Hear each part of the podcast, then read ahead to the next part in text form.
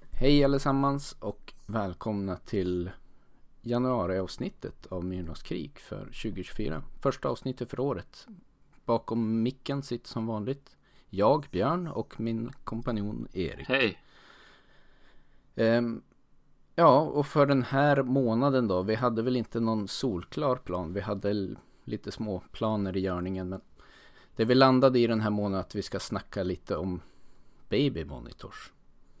Lite krystat tema. Nej men det, jag kanske blir lite krystat men det, det här är ju en efterhandskonstruktion men våran första signatur det var ju ingen signaturmelodi men våran första intro, poddintro kan man väl säga det var ju brus från min dotters Babywatch. Baby monitor. Så, så det är Ja. inte så krystat egentligen. Vi borde ha gjort det här mycket tidigare. Ja, man kan väl säga, jo precis. Men det, ja, det blir nog bra. Vi kommer dit så småningom. Hur har januari månad annars varit för dig? Eh, jo, men det har varit en eh, rätt så bra månad. Jag har inga nyårslöften. Jag hade något nyårslöfte som vi borde ta i podden, men jag har glömt bort det. Jo, en sak som jag tycker vi borde eh, lova oss det här året i podden är att vi vi letar upp någon request. Jag, jag vet att det finns två stycken som har eh, och det här var flera år sedan så jag kan inte hitta det i historiken. Men två Mm. stycken personer som har gjort önskemål. Ja, vi kanske ska infria något av de önskemålen. Ja, det är ju att det blir... dåligt att vi inte har gjort det egentligen. Ja, Är perfekt. Alltså vi har ju poddmånader som denna får man väl ändå säga. Där är det lite så här desperat brainstorming då vi inte riktigt har solklart för oss. Vi, det är ju som ofta att vi har saker så här. Det här vill vi göra men vissa saker som man vill göra vill man också ha tid och liksom energi för. Och jag tror väl att den här månaden varit lite så här att nu kanske man inte vill ta sig an något eh, jätteambitiöst projekt för vi har haft eh, varit ganska upptagna bägge två. det har varit jul och nyår och eh, en del med jobb och barn. Ja. Har, Men då är det ju perfekt om man har ett önskemål där man, om man kan liksom förbereda så att ja men de här två filmerna vill folk att vi tittar på. Då är det som bara att riva av det. Då behöver man inte ens fundera så mycket. så nu har ni lyssnare chansen om ni... För vi kan, man kan ju, vi kan ju ta nya önskemål också. Vi, vi tar ju de önskemålen som är mest spännande. och tänker de behöver, tycker inte jag, nödvändigtvis vara liksom besläktade filmer. Det kan vara, temat kan vara att vi infriar ett önskemål. Sen om det är två helt olika filmer är för min del känner jag ändå helt okej. Det måste liksom inte vara att de är eh, ja, likartade eller så. Det kan de få vara, men inte nödvändigtvis. Ja, men det var ju Mm. en sak eh, som kanske passar med tiden på året. Vet inte riktigt exakt när det här avsnittet går att lyssna på, men januari, februari där skiftet. Sen har jag ju gjort ett liten comeback inom förlossningsvården. Jag har ju varit borta därifrån i nästan Ja, jag har jobbat lite grann som gynekolog och förlossningsläkare men inte på min gamla som renodlad förlossningsläkare i Umeå på två år snart. Mm. Och nu var jag där för någon vecka sedan och sen och fått lite så här, ja men det här är ju jävligt kul. Men det var för jobbet att jobba där hela tiden så jag, jag kommer inte bli, jag kommer fortsätta vara akutläkare också. Om man säger så. Det bästa är väl om man kan hitta en, en lösning som arbetsgivaren accepterar där man ändå kan få mycket av det bra men liksom inte det är ju ten, med många jobb tycker jag inom sjukhuset att det kan bli liksom för mycket. Man skulle vilja plocka russinen ur kakan är det så man säger från, från flera ställen. Jag har väl någon förhoppning. Nu är ju jag färdig specialist också. Hurra! Jag tog ut min examen alldeles precis nu. Så att jag är färdig specialistsköterska inom intensivvård. Men eh, än så länge så harvar jag på på postoperativa enheten. Där vi har lite IVA-patienter men mest postop-patienter. Men på sikt har jag väl någon förhoppning om att man skulle också kunna börja rotera där. Jag har ju jobbat en del på IVA nu när man har gjort sina praktiker och sådär. Och en del har ju sådana tjänster där de jobbar en del på IVA och kanske jobbar en del på helikoptern. Några som jobbar en del på IVA och så jobbar man en del på postop. Och någon sån typ av anställning på sikt känns som att det skulle kunna vara ganska kul. Där man får, får lite miljö och arbetsuppgiftsombyte emellanåt. Ja men det tror jag. Då fastnar man liksom inte lika lätt i bakom rutiner. Utan du måste liksom hålla dig lite eh, vad ska jag säga, ajour och dynamisk i huvudet. Mm. Jo, men det låter ju, jag tycker du ska vara på IVA lite grann och kanske vi kommer ses oftare i, jobbet. Och jag är själv, själv nu på IVA och praktiserar i ett par veckor. Vilket är mm. skojigt. Jag har ju också, på tal om nyårslöften, inte gjort något nyårslöfte fast det kom liksom lite grann som ett brev på posten där när vi skulle göra oss redo för att fira nyår och jag skulle klä mig och insåg att jag kom inte in i några kläder längre. När man bara har gått runt i jobbkläder eller typ mjukisprallor och oversized t-shirts som man haft hand om barnen i tre år. Så ställde jag mig på vågen och insåg att jag har gått upp 17 kilo sen min dotter som är tre år nu då föddes. Så jag hade inte gjort något nyårslöfte men det blev ändå efter det, den lilla chocken så bestämde jag mig att jag måste komma igång med någon typ av träning. Eh, så att jag har löst ett, ett kort på ett gym här i stan och börjat så smått. Eh, jag försöker lägga ribban lagom högt så att inte man bara ska bli besviken och ge upp. Så jag ska försöka ta mig iväg och ägna mig åt någon form av träning två gånger i veckan. Och det blir väl ofta där man kan lämna på förskolan och så kan man köra lite på gymmet innan man ska till jobbet om man jobbar kväll. Sådär. Så. Men det är väl lite för tidigt att säga att jag är igång. Jag, liksom, jag vill inte jinxa det. Men jag har kört tre veckor nu i alla fall. Eh, som jag ändå har lyckats hålla. Men det känns som man ska göra det några månader innan man kan kalla det för en ny rutin. Jo, så är det ju. Ja, men det, jag borde väl också göra någon sån sak i mitt liv. Jag, det enda jag gör är att springa och promenera. Det, jag, fan, det, kroppen håller ju fan inte. Det är 40 plus livet det är hårt. Så. Det börjar straffa sig. Oh. Men det är ju aldrig för sent att börja träna. Så jag kanske ska lösa ett kort på samma gym så får vi trigga varandra lite grann. Det som är bra för mig handlar ju också om att sänka tröskeln. Det som är väldigt bra med det här gymmet är att det är typ 10 meter från där jag bor. Så att man liksom, tröskeln är ganska låg för att ja, man, kan, man kan faktiskt fara dit och träna i 20 minuter om det är det man har tid med. Eh, så jag tror att det är huvudsaken att få in det där att ja, men jag ska komma iväg och träna två gånger i veckan och så får det bli vad det blir beroende på hur mycket tid man har. Jo, det är väl så det är. Jag har ju inte så nära till några gym. Ute i gym då finns det ju. Men äh, jag hatar egentligen att gymma men jag hatar också att ha ont. Så det, när smärtan blir för stor i kroppen så kommer det hända. Men mm. ja, vi kanske ska ta oss vidare här i, i eten. Ja, men det, det var vårt liv, eller mycket av vårt jobb kanske. Men det, det är i vanlig ordning. Har du sett några filmer? Ja, men jag har sett några filmer. Jag måste tänka efter lite grann här. Så att jag, eller filmer och filmer. Jag har ju eh, sett, eh, börjat se på True Detective nu. Eh, säsong 4. Eh, jag visste inte ens att det fanns en säsong. Ja men de håller på att släppa, den är precis ny så de släpper ett avsnitt i veckan nu. Har kommit till, de har kommit till avsnitt 3 men jag har bara sett till avsnitt 2. Jag ju, gillar ju säsong 1. Det finns ju väldigt mycket Lovecraftianska undertoner i den serien. Um, för den uppmärksamme. Som ju ändå kittlar min fantasi lite. De här kulterna.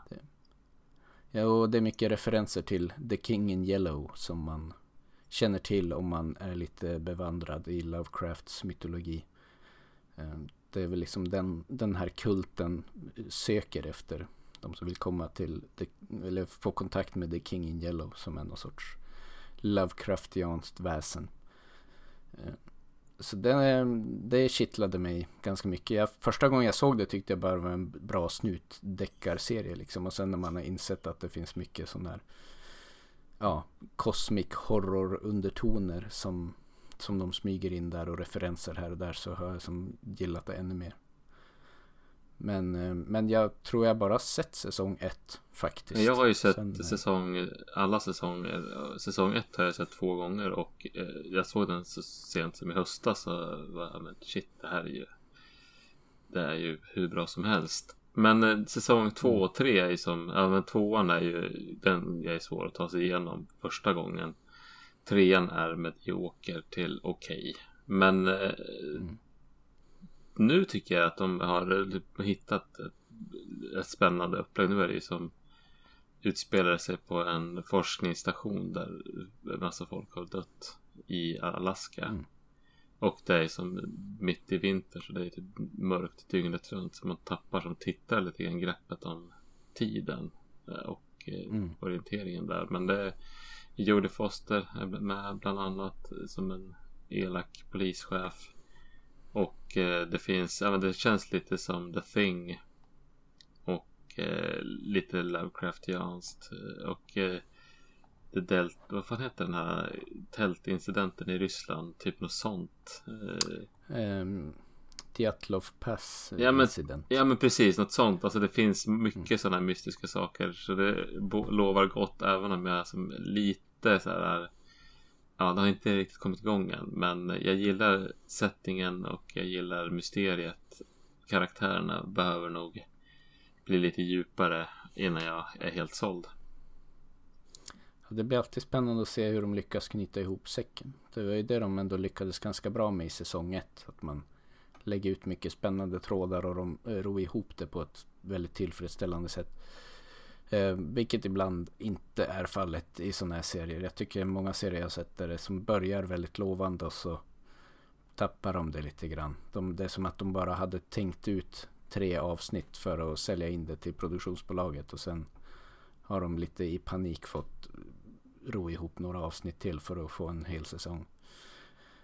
Men jag hoppas att de har en plan framöver också. Då kanske jag får ta mig an det. Jo då. Jag har infriat ett nyårslöfte till dig kan man väl säga den här månaden. Och det är också summan av allt jag har sett. Men jag har sett konferensen. Ja, just det. Du har tjatat på mig ett tag om att jag måste beta av. Och den var ju nice. Det får man ändå säga. Ehm, jag var inne och kollade lite så här internationella recensioner om den och det var väldigt mycket tjat om så här ja det här är bara så socialistisk propaganda som är bara, alltså den eventuella kritiken av kapitalismen som fanns i den filmen kände jag var ganska mild och kind of besides the point. Men eh, ja, det var en del amerikanska tittare som hade sett den som var väldigt provocerade över att det var sån socialistisk och antikapitalistisk propagandafilm typ. Det tycker jag inte att det var. Det drev ju bara med ja, Nåja. Det kändes som att ja, det fanns väl liksom en gliringar mot företagskultur någonstans. Men det, det känns som en väldigt ogenerös tittning om, man, om det är det man hämtar med sig från den här filmen. Jag tyckte att det var som Det var en bra slasherfilm. Eh, kanske inte liksom fantastisk men, men det var bra. Och liksom mysigt att det var en svensk setting och det kändes som en väldigt så här, svensk miljö. Svensk fenomen med så här ja men teambuilding ute på något eh, vad heter det, ens vandrarhem liksom. Det, man har ju varit där själv och, och gjort en del sådana där teambuilding övningar med arbetsplatser man har varit anställd av. Så det, det fanns en hög igenkänningsfaktor som gjorde det extra bra. Jo, men, men jag, jag har svårt att smälta det. Sen kanske det är att vi är har de glasögonen, men det är som en kanske en svensk tradition att man jag tycker det finns ju många amerikanska filmer i största allmänhet så är det liksom den här för, rovdrivande företagen. Det är som en bra eh, skurk på ett sätt.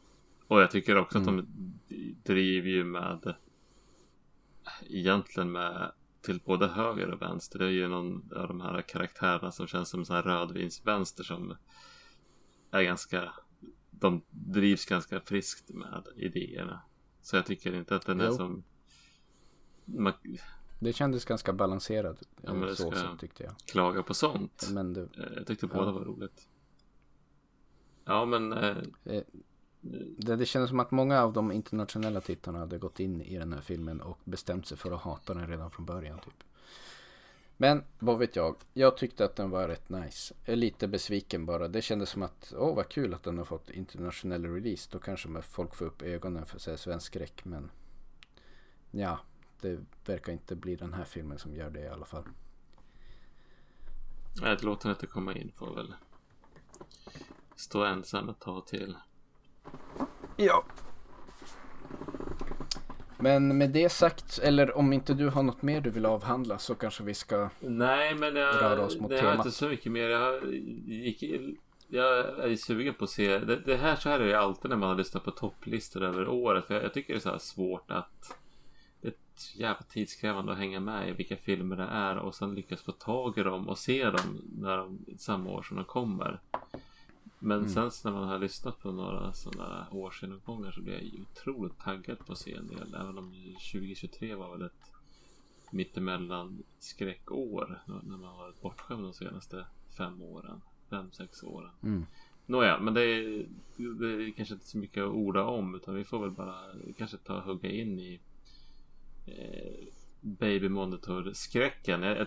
Det är ju ett återkommande tema ändå. Att det övernaturliga smyger sig in i våra tekniska små manicker. Ja, ja, ja, men vi tar väl helt enkelt och rör oss mot Spanien va? Och första filmen för kvällen som då är I barnkammaren eller La Habitación del Niño, por favor. Eller Baby's Room heter den också på engelska va? Eller vad fan var det? Skitsamma. Mm. Ja. Från 2006 i regi av Alex de la Iglesia skriven av Jorge Guerrero Något sånt. Eh, och i Baby's Room så får vi då följa ett par som har eh, köpt något typ renoveringsobjekt, väldigt så här fin gammal villa men eh, som är ganska nedgången och sliten som de flyttar in i. Eh, de har sitt barn där. Ehm, han eh, eller de skaffar då en sån här babymonitor för att hålla koll på sitt barn på natten för att de är oroliga och sen det är en sån här babymonitor med både ljud och video då så att då nattetid då börjar ju framförallt pappan då se otäcka saker i den här babymonitorn och är rädd att det är någon som är ute efter hans barn. Men eh, mamman har väl aldrig sett det här i samma utsträckning också så att hon blir väl också så småningom Först är hon väl orolig att det är någon som är ute efter hennes barn och sen blir hon orolig att är det pappan som liksom håller på att tappa det typ. Och så får man då i huvudsak följa pappan i hans Descent into Madness eller utredning av fenomenet där han försöker ta reda på vad allt det här beror på, och hur det kommer sig att han ser de här sakerna. Typ så. Ja, men jag tycker det var en bra sammanfattning.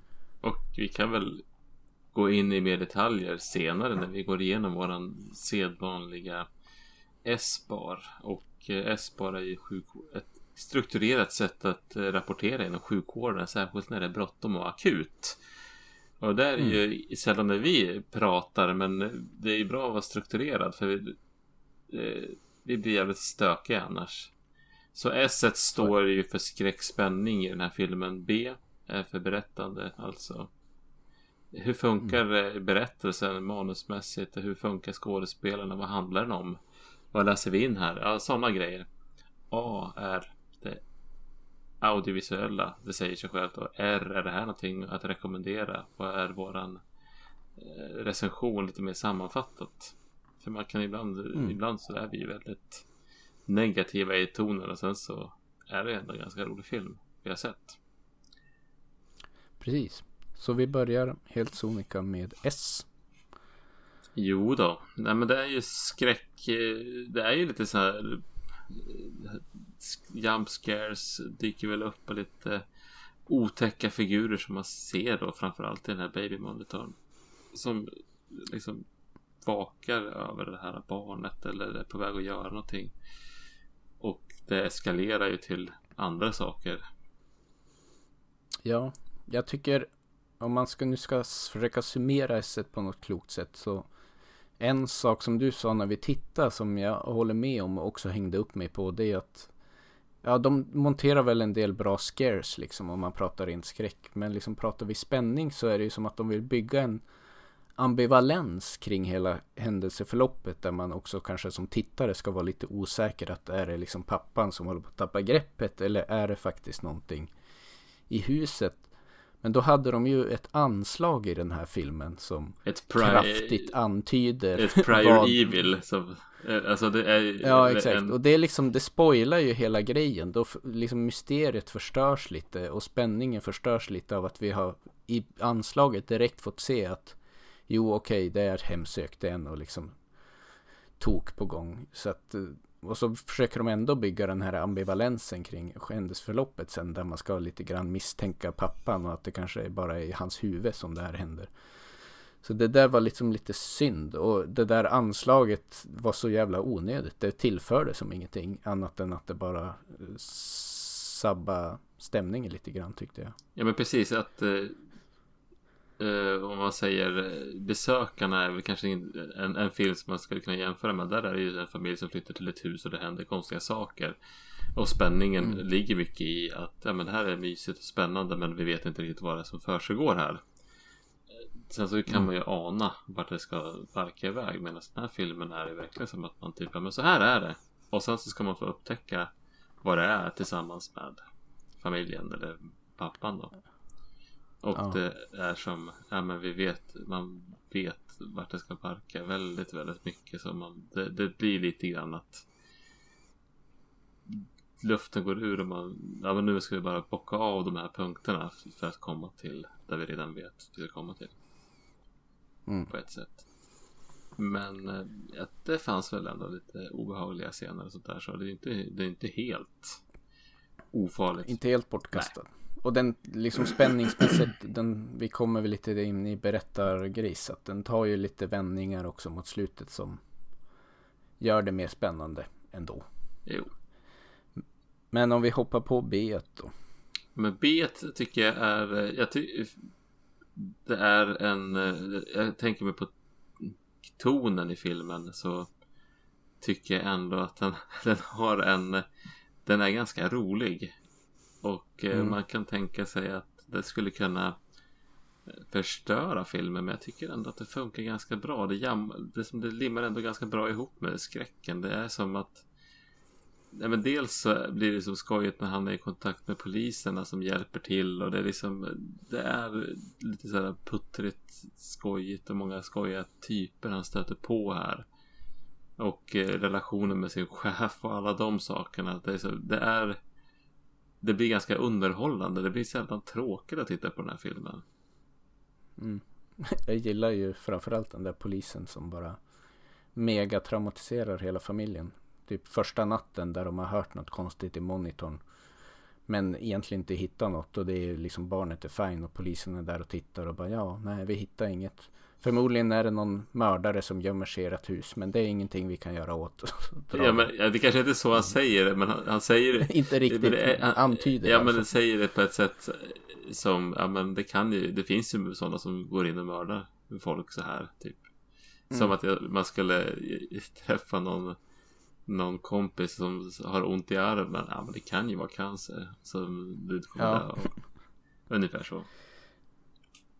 Ja men det är ju ja. roligt. Och sen den här återkommande chefen som han tjafsar med. Och sen kommer, är, är, kommer väl i kontakt med någon som har skrivit något om övernaturliga saker. Ja men det är många sådana där små figurer som bjuder på lite underhållning ändå längs vägen. Jo, det är lite som vi var inne på i den här Vincent Price-filmen som jag tappar namnet på nu. Men att man ändå har gjort en ansträngning här att många karaktärer som kanske bara är där för att egentligen leverera exposition har man ändå lagt lite tid och energi på att skriva dem till någorlunda underhållande och intressanta karaktärer. Så att även sådana här transportsträckor där han ska upptäcka saker och få exposition levererad är ganska underhållande. Det är Dr. Fives-filmen du tänker på?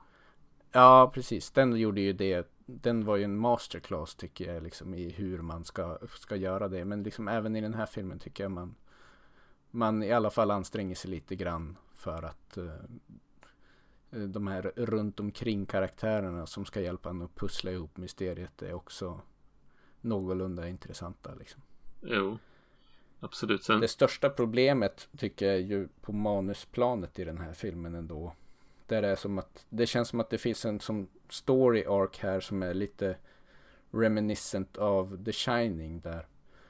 Så småningom blir det ju så att mamman och barnet överger pappan i huset och han blir liksom själv kvar där för att försöka lista ut vad det är som händer och han ja, ska väl i teorin liksom sakta men säkert liksom sjunka in i något mer och mer av ett vansinne och besatthet men det är så ryckigt på något vis att det skulle behövts en manusbearbetning och man skulle behöva ge liksom lite mer tid det är som att en dag är han en normal familjefar och sen händer något och sen är han jättestressad och paranoid och sen händer något och så är han helt galen typ. Och sen, och sen så... Skulle behöva, jag, jag ser liksom vilken story arc de ville åt här där han på något sätt likt i The Shining liksom sakta men säkert bryts ner av det här huset men det blir så väldigt ryckigt och, och konstigt tempomässigt. ja men det är, det är en av bristerna. Det är ju som både hur han de är ryckigt.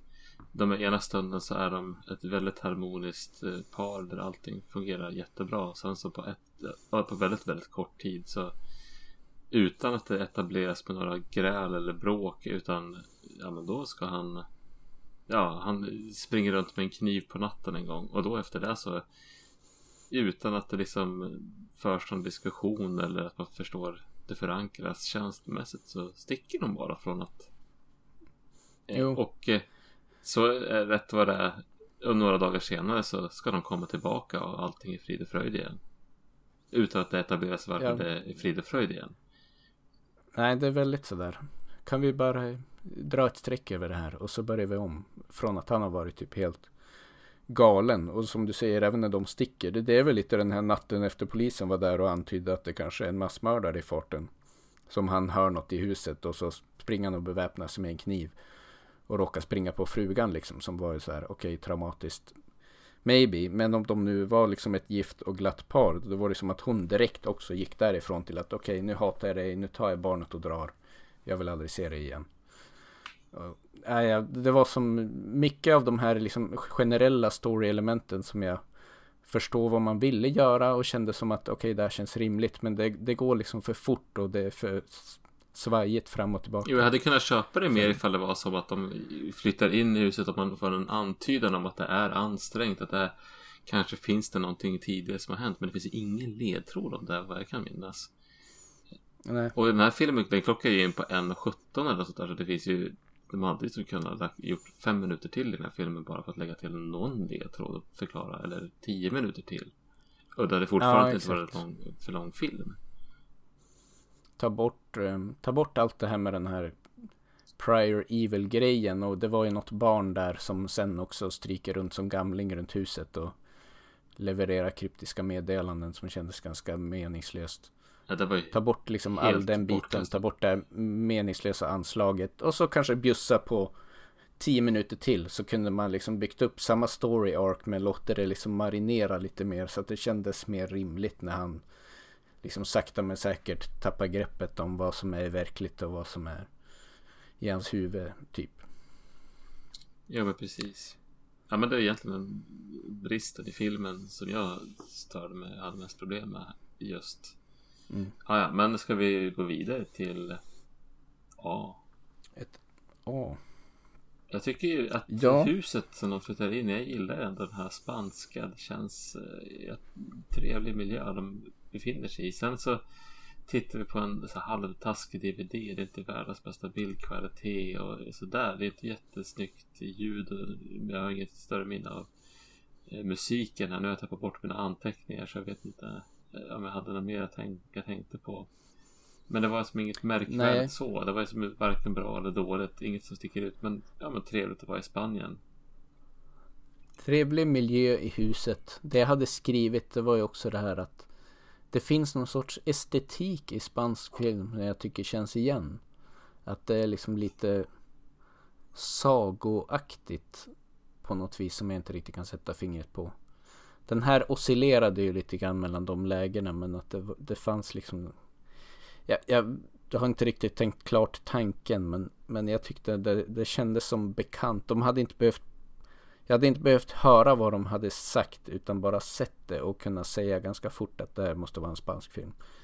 Lite bara på något sätt på hur det ser ut. Um, en speciell gotik. Men, en subgenre inom gotiken liksom. Ja men typ.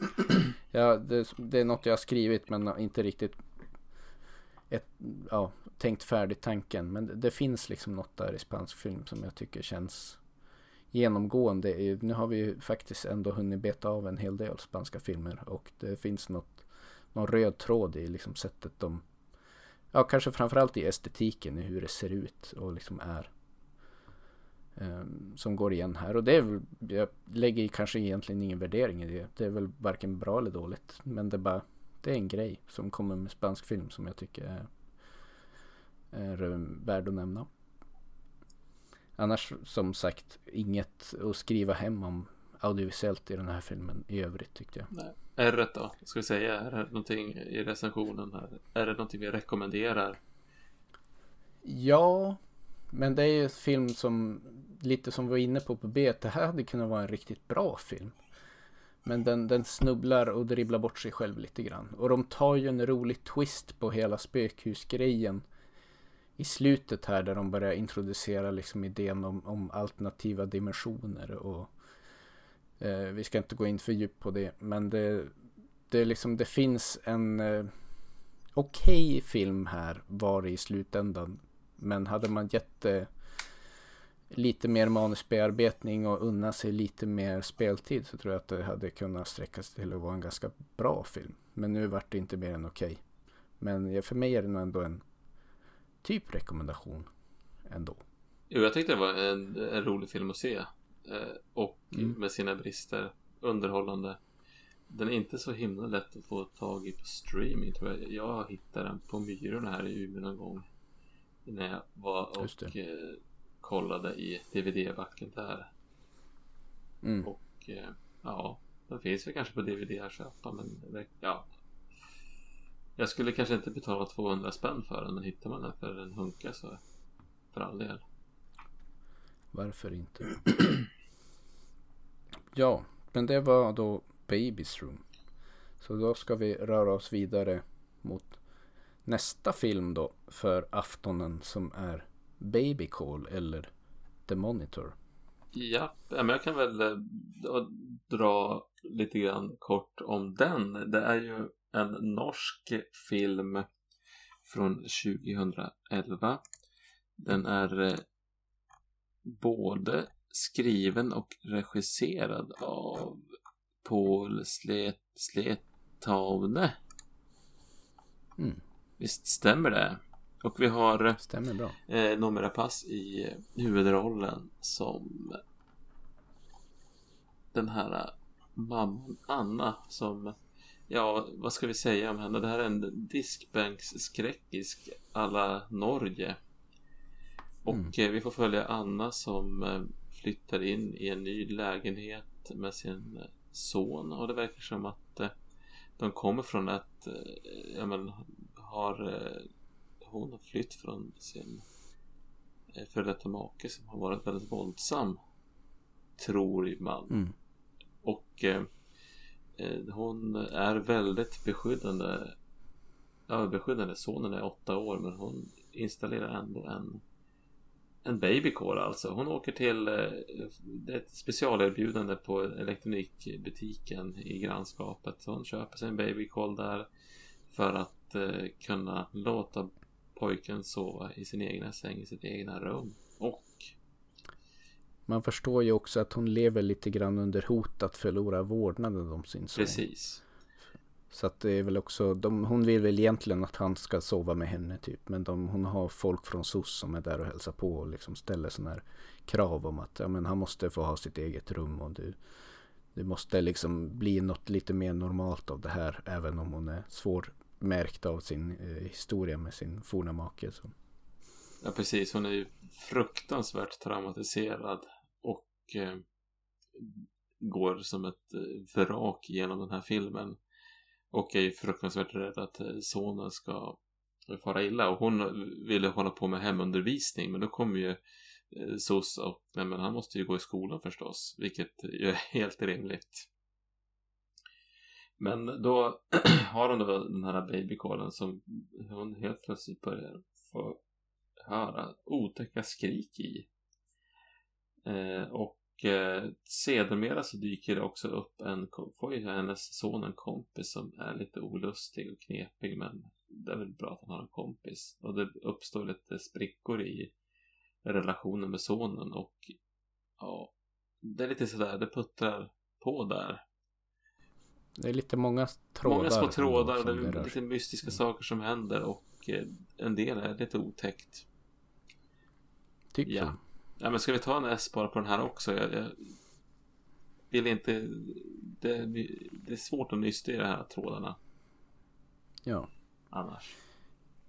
Jag har skrivit en timestamp till och med på mitt S. Det är 21, 21 minuter. Där, efter det kommer den första liksom lite så här spok-grejen. Men det finns ju något sånt latent obehag i den här filmen. Som jag tycker är väldigt bra men mer grundar sig i den här väldigt verkliga situationen av eh, den här kvinnan som har liksom nyss brytit sig loss från ett väldigt destruktivt förhållande och lever med skyddad identitet. Och man ser verkligen hur skadad hon är av det här, inte bara fysiskt men psykiskt. Och det, det är liksom väldigt obehagligt att se och känns ganska verklighetsnära. Um, men, men det är ju inte skräck i klassisk bemärkelse. Nej, utan det här är ju som ett drama där det känns som att det i primärt är ju hotet så men sonen kan bli borttagen från mig till och min hemska mak, ex-make kan eh, göra saker och eh, som är hemska. Och från hennes perspektiv, mm. det är ju liksom, det är ju väldigt mycket psykologiskt. Så här, efter ett tag så undrar man så här, men vad fan är det här var i hennes huvud? Hon kanske liksom misshandlar sitt barn. Och så. Mm. Men, eh, så där, men sen är det ju liksom, när man kommer in i den här historien med eh, det är det något spöke i den här babykåren som fångar upp? Eller är det någon i grannskapet som eh, blir utsatt för våld? Vad är det som händer? Det är ganska olustigt. Och sen så kommer vi också in i någon mer... Det blir ju surrealistiskt. Eller är det ett spökare? Eller vad är det som händer här? Det är mycket som... Ja, hon övertygas ju om att det är något annat barn som far illa i det här miljonprojekthuset där de har blivit liksom flyttad till för att komma undan. Då hon också får höra från den som hon köpte babymonitorn av att jo men man kan ju få in andra kanaler liksom om det är någon i närheten som har en babycall. Men sen kommer ju hon med lite medgivanden också om att hon har så här jättestora minnesluckor. Typ att jag minns att jag brukar lämna av min son på skolan och sen vet jag inte vad jag har gjort under dagen. Och man, det blir som du säger väldigt oklart efter en stund att vad, vad, är det egentligen som är riktigt och vad är det som händer i hennes huvud och vad det var liksom. Och det är en del av spänningen och, och obehaget i filmen också. Jo, och sen blir det ju en del explicit våld förstås. Men det är, ja, det är ju inte det som är... Utan det är ju den här, jag tycker i största allmänhet den här obehagliga stämningen som ändå finns. Hotet mm. om eh, att allting ska gå skogen. Eller vad man ska säga. Ja, men det mm. kanske så hoppa vidare på B i den här berättelsen.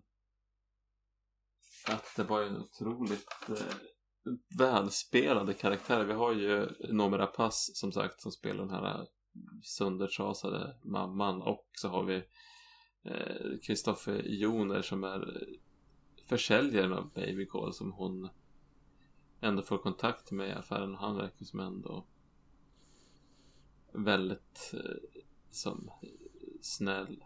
Sympatisk. Väldigt sympatisk. Han känns ju lite grann som att han har likheter med sonen till Anna på något vis. Mm. Och eh, lite överbeskyddad och känns, hans mor är väl döende. Och eh, han känns lite tafatt men ändå har ett hjärta av guld som liksom ändå närmar sig Nomera Pass karaktär och man liksom hoppas att det ska kanske finns det någon, någon liten trygghet i tillvaron i honom. Mm. Men det, ja, jag tycker som sagt de etablerar Nomi och hon spelar väldigt bra som den här trasiga mamman. Och väldigt mycket så här utan onödig dialog. De behöver liksom inte förklara så mycket utan de är duktiga på det här att visa i, i handling. Och i liksom sättet hon rör sig och är. Minspel, blickar och sådär. Ja. Och han är också den här, känns ju som den här skör fast på ett annat sätt. Mm. Mer stabil kanske. Så det, ja. Det är egentligen väldigt bra uh, manusarbete. Det är liksom den, enda, den kritiken jag skulle ha möjligtvis mot den här filmen. Det är ju egentligen känns det för mig som att huvudstoryn är liksom henne och hennes bearbetning av det trauma hon har varit med om. Och lite det här med babycallen som kommer in då och spökar och busar lite. Känns lite som en sidequest. Eh, på ett sätt. De knyter ihop det lite grann mot slutet. Att det, oh, det fanns liksom ett större syfte med allting. Men, men lite sådär att den, eh, den var där. Men det var absolut inte huvudsaken för mig tyckte jag. Nej, nej, nej. Och det, för all del. Den är ju en, en det jag kanske hakar upp på att det, det är en tråd, en linje. Sen så är det ju Ja det är så många trådar som sagt. Och eh, mm. så blir det också det här när det blir liksom är det övernaturligt eller är det våld på riktigt? Det är som en deckargåta och sen så kommer det här barnet eh, upp. Eh, det blir många trådar och sen så och det är väldigt spännande. Men på slutet mm. så är det väldigt många av de här trådarna som ska Allting ska, när säcken ska knytas ihop så går det ganska fort. Ja. Och det eh, eskalerar verkligen mot slutet. Jo. En liten side-note här som jag bara hakade upp mig på lite när jag såg filmen. Det var ju hela sidostoryn med Helge och hans eh, svårt sjuke mor. Att det var så här när han var på sjukhuset. Det känns som ganska brutalt av doktorn där som bara Du jag vill snacka med dig lite. Du måste bestämma om vi ska intubera din morsa eller inte. Du kan väl fundera på saken och återkomma liksom. Det kändes som mycket, mycket ansvar att lägga på en anhörig. Jo men precis. Med... Det är som så här. Ja men ska vi typ. Jag menar vi, vi kan ju respiratorvårda henne. Men hon kommer aldrig ur respiratorn. Mm. Och det är ju som att, jag menar, om man nu säger så, jag menar, nu tänker jag, alltså, vi är väl kanske yrkesskadade, men eh, funkar vården sådär liksom? Är vi så? Eller det kanske är så i Norge, men alltså man lastar över. Jag hoppas ju inte det. För att det, jag tänker mig att man liksom resonerar att även om, om det är utsiktslöst att eh, respiratorvårda någon så kommer jag inte göra det. För i, i, i, hennes upplevelse av det, det livet hon har kvar är ju som att vara död i vilket fall som helst. Mm. Ja, det var och då utsätter man ju bara, utsätter, nu, nu kanske vi pratar om etik och sånt här, men då utsätter man ju bara den här stackars Helge för, eh, ja men som du säger, man lägger över ett beslut som man som vårdläkare borde ha tagit. Plus att man tar upp en respiratorplats. Som sagt, en stor side-note. Men det vart ändå sådär. Man är lite yrkesskadad. Så jag hakade upp mig som fan när jag såg det där. Bara, väldigt märklig konversation. Men det var, det var ju också en av de lite sidotrådarna med Helge och han skulle man har, förstår ju att han eh, också kommer från ett litet eh, trasigt barndomshem. Där han trots, trots eh, kanske dåligt bemötande och eh, misshandel från sin mor ändå älskar henne i slutändan. Eh, men ja, det, jag, jag, vill som inte spoila så mycket heller men det, det, det, är en bra spännande story här men mer på ett dramaplan än ett skräckfilmsplan kanske. Jo. Ja, ja, men då vi hoppar vidare. Vi går in på det audiovisuella. Och mm. här nu befinner vi oss typ i samma kvarter som eh, de oskyldiga tycker jag. Det kanske inte är riktigt samma, ja. ser lika exakt, alltså det är ju samma miljö. Lite annorlunda färg och ton kanske, men det är ju fan med det är ju samma hus nästan. Ja, det är lite som där Norges version av miljonprojekten på något vis. Ganska stora lägenhetskomplex med mycket lägenheter och jag vet inte, det är en ganska trevlig miljö tycker jag. De fångas som en bra, på något sätt, förortsfeeling. Eh, utan att för den sakens skull, ibland tycker jag i film att det blir som, eh, man gör förorten till något väldigt annat, eller vad man nu ska säga. Det är liksom något farligt och där är gängen och hej och hå. Det här är bara som en stillsam... och farligt. Men det, det, här är som bara, ja det, det är förorten liksom. Men det är, inte, det är inte så dramatiskt på något vis. Och mer verklighetsförankrat i hur det egentligen är. Ja men det känns ju verkligen som Toblerone-husen i, på Ersboda här liksom. Den... Mm. Jag kan verkligen, alltså det är en plats man har varit på på något vis. Mm. Och Toblerone-husen. Det var egentligen det jag hade skrivit om det audiovisuella. Ja, jag har inte sagt så mycket heller. Det där med Toblerone-husen, det ser inte ut så i, i den här filmen. Men det är ju verkligen den typen av stämning. Ja, mm. men eh, nåja. Ja, det som är, och sen är det ju den här skolan som känns väldigt förfallen och trasig ut. Tra, alltså den är jag tycker att det Ja men det är väl, det känns den Den är diskbänksrealistisk eh, audiovisuellt. Det är inte Det är inte så mycket att orda om. Så man får gå in med, med det i, i åtanke så blir inte besvikna. Nej. Nej. Den är inte, ja men då går vi över till R. Den här är inte heller så jävla lätt att få tag i. Nej, det, det Tyvärr. kan man lugnt säga.